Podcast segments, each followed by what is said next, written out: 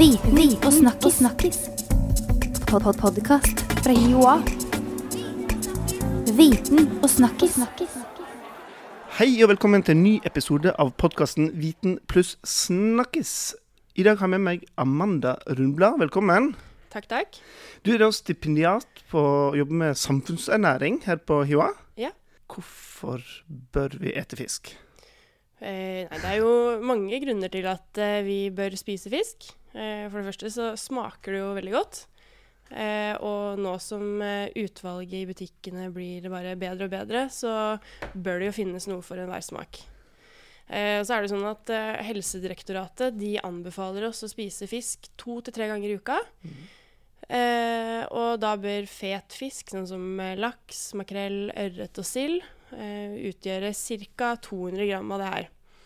Men vi bør også spise magefisk, for det har mange andre positive helseeffekter som eh, ikke kan tilskrives eh, omega-3-fettsyrene som vi finner i fet fisk. Grunnen til at du er her, er jo for at du forsker på hvordan fisk påvirker kroppen vår. Mm. Og, og du ser til og med på hvordan dette påvirker genene våre. Ja. I alle Eh, dager. Dette må du forklare meg. Ja, for det er jo sånn at eh, i alle cellene i kroppen så har vi jo de samme genene. Men i de ulike cellene så varierer det hvilke gener som er skrudd på, og hvilke som er skrudd av. Og maten vi spiser, de påvirker til en viss grad hvilke gener som skrus på. Eh, sånn at eh, noe av det jeg er interessert i å, å forske på, det er eh, hvilke gener blir aktivert, da, som Mm. vi sier. Så, så vi kan også vite at når vi begynner å ete fisk, eller større mengde fisk, så, så kan du da se at genet blir skrudd på. Ja, altså noen gener Mm. håper vi på. Kan du forklare litt mer om dette med å skru på genene? Det er For oss eh, vanlige så høres det veldig rart ut. Er Ja. Jeg visste ikke at det var en av og på-knapp her. Nei, om du tenker at du har de samme genene i, eh, i alle cellene i hele kroppen, eh, så har du f.eks. Eh, i cellene i øynene dine, så vil jo de da produsere eh, proteiner som gjør at du kan se. Eh, og det er det jo de genene som koder for. Mens å skru på de genene som, som lager eh, disse proteinene som gjør at du kan se i f.eks. hudcellene, det er jo helt unødvendig. Mm. Sånn at eh, ja, de ulike cellene er nødt til å ha på ulike gener for å utføre de oppgavene de skal utføre.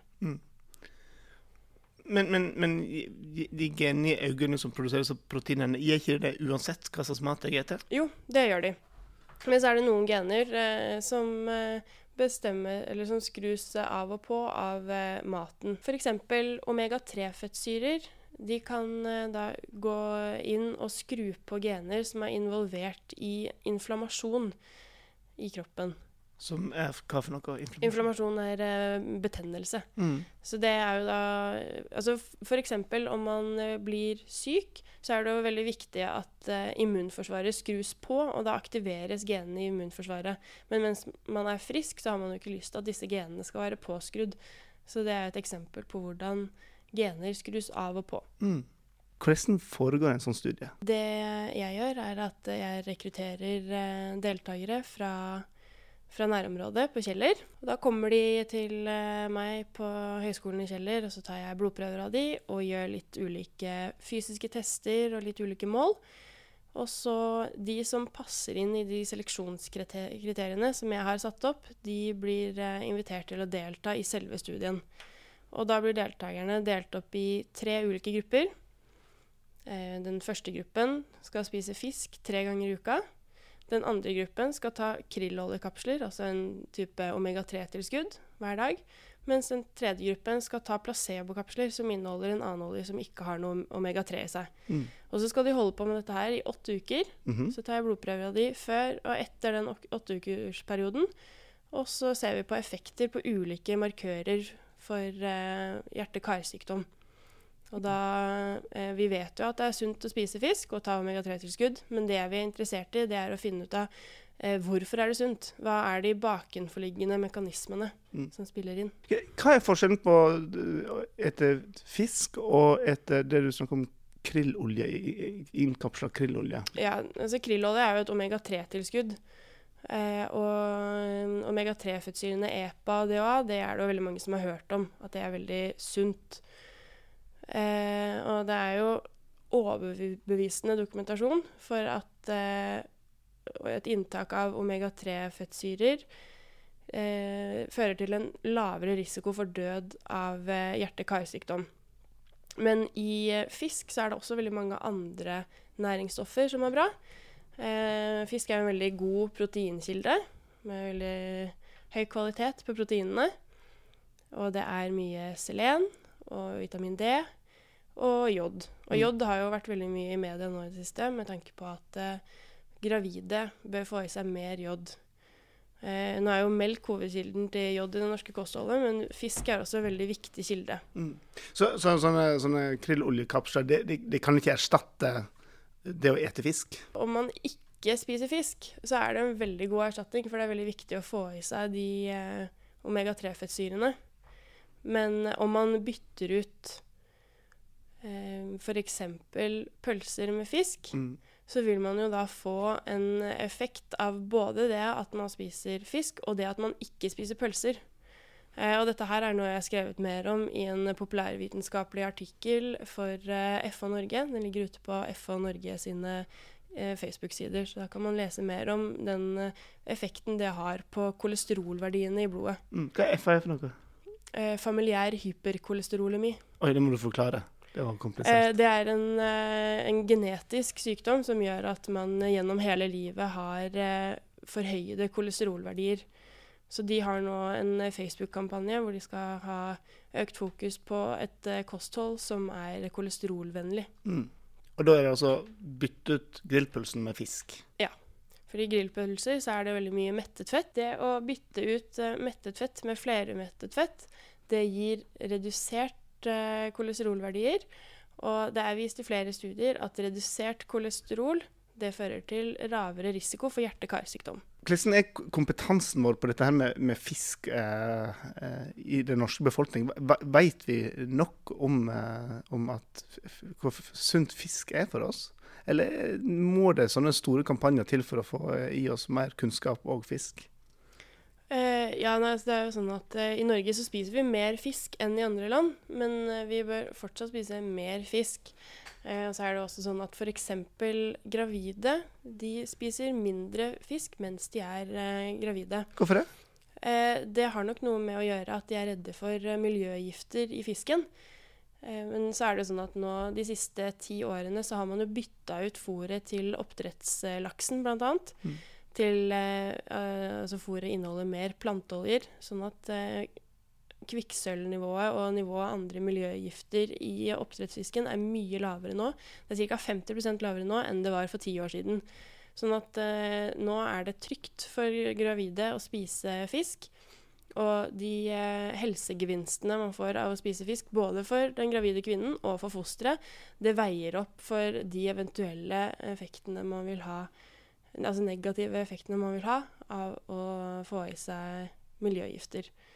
Eh, og selv om man spiser eh, fire-fem personer fisk i uken, så holder man seg godt innenfor det som er trygt. Mm.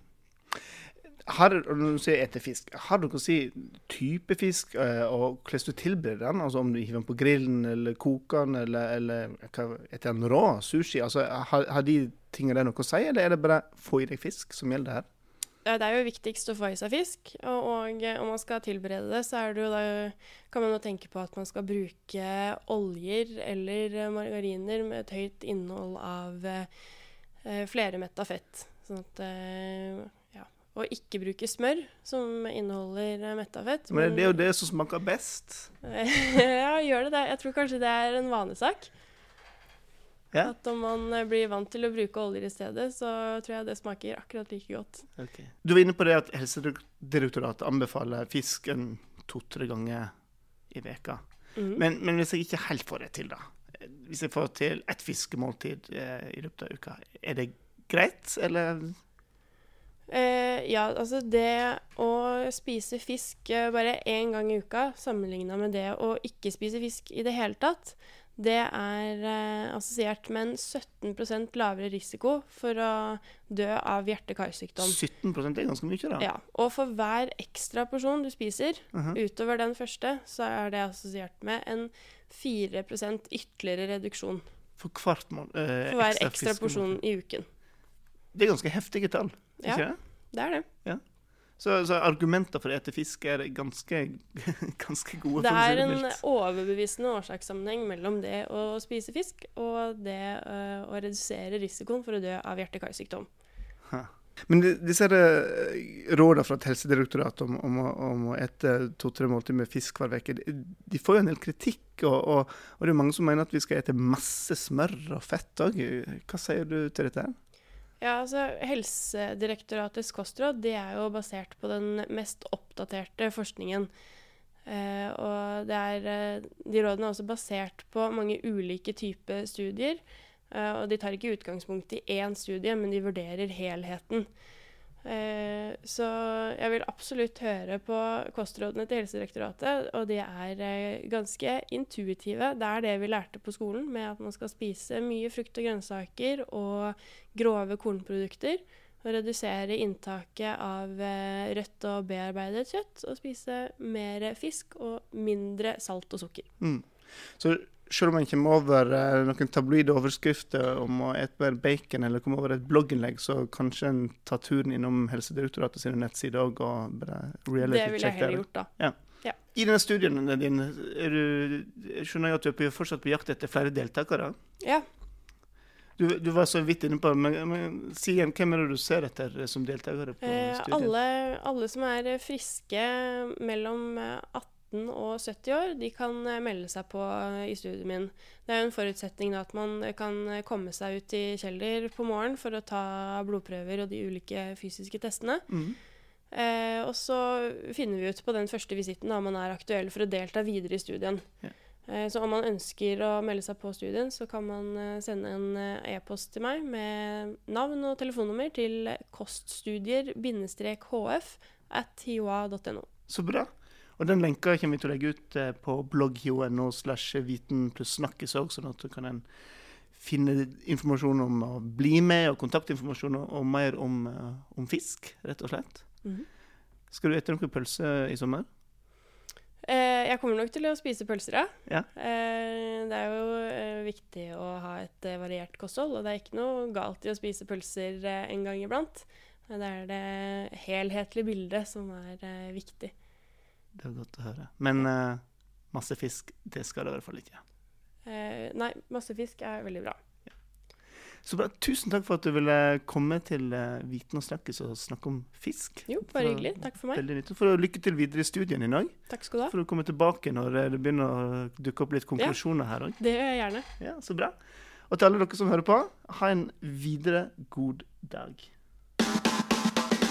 Viten og snakkis. Podkast fra Joa. Viten og snakkis.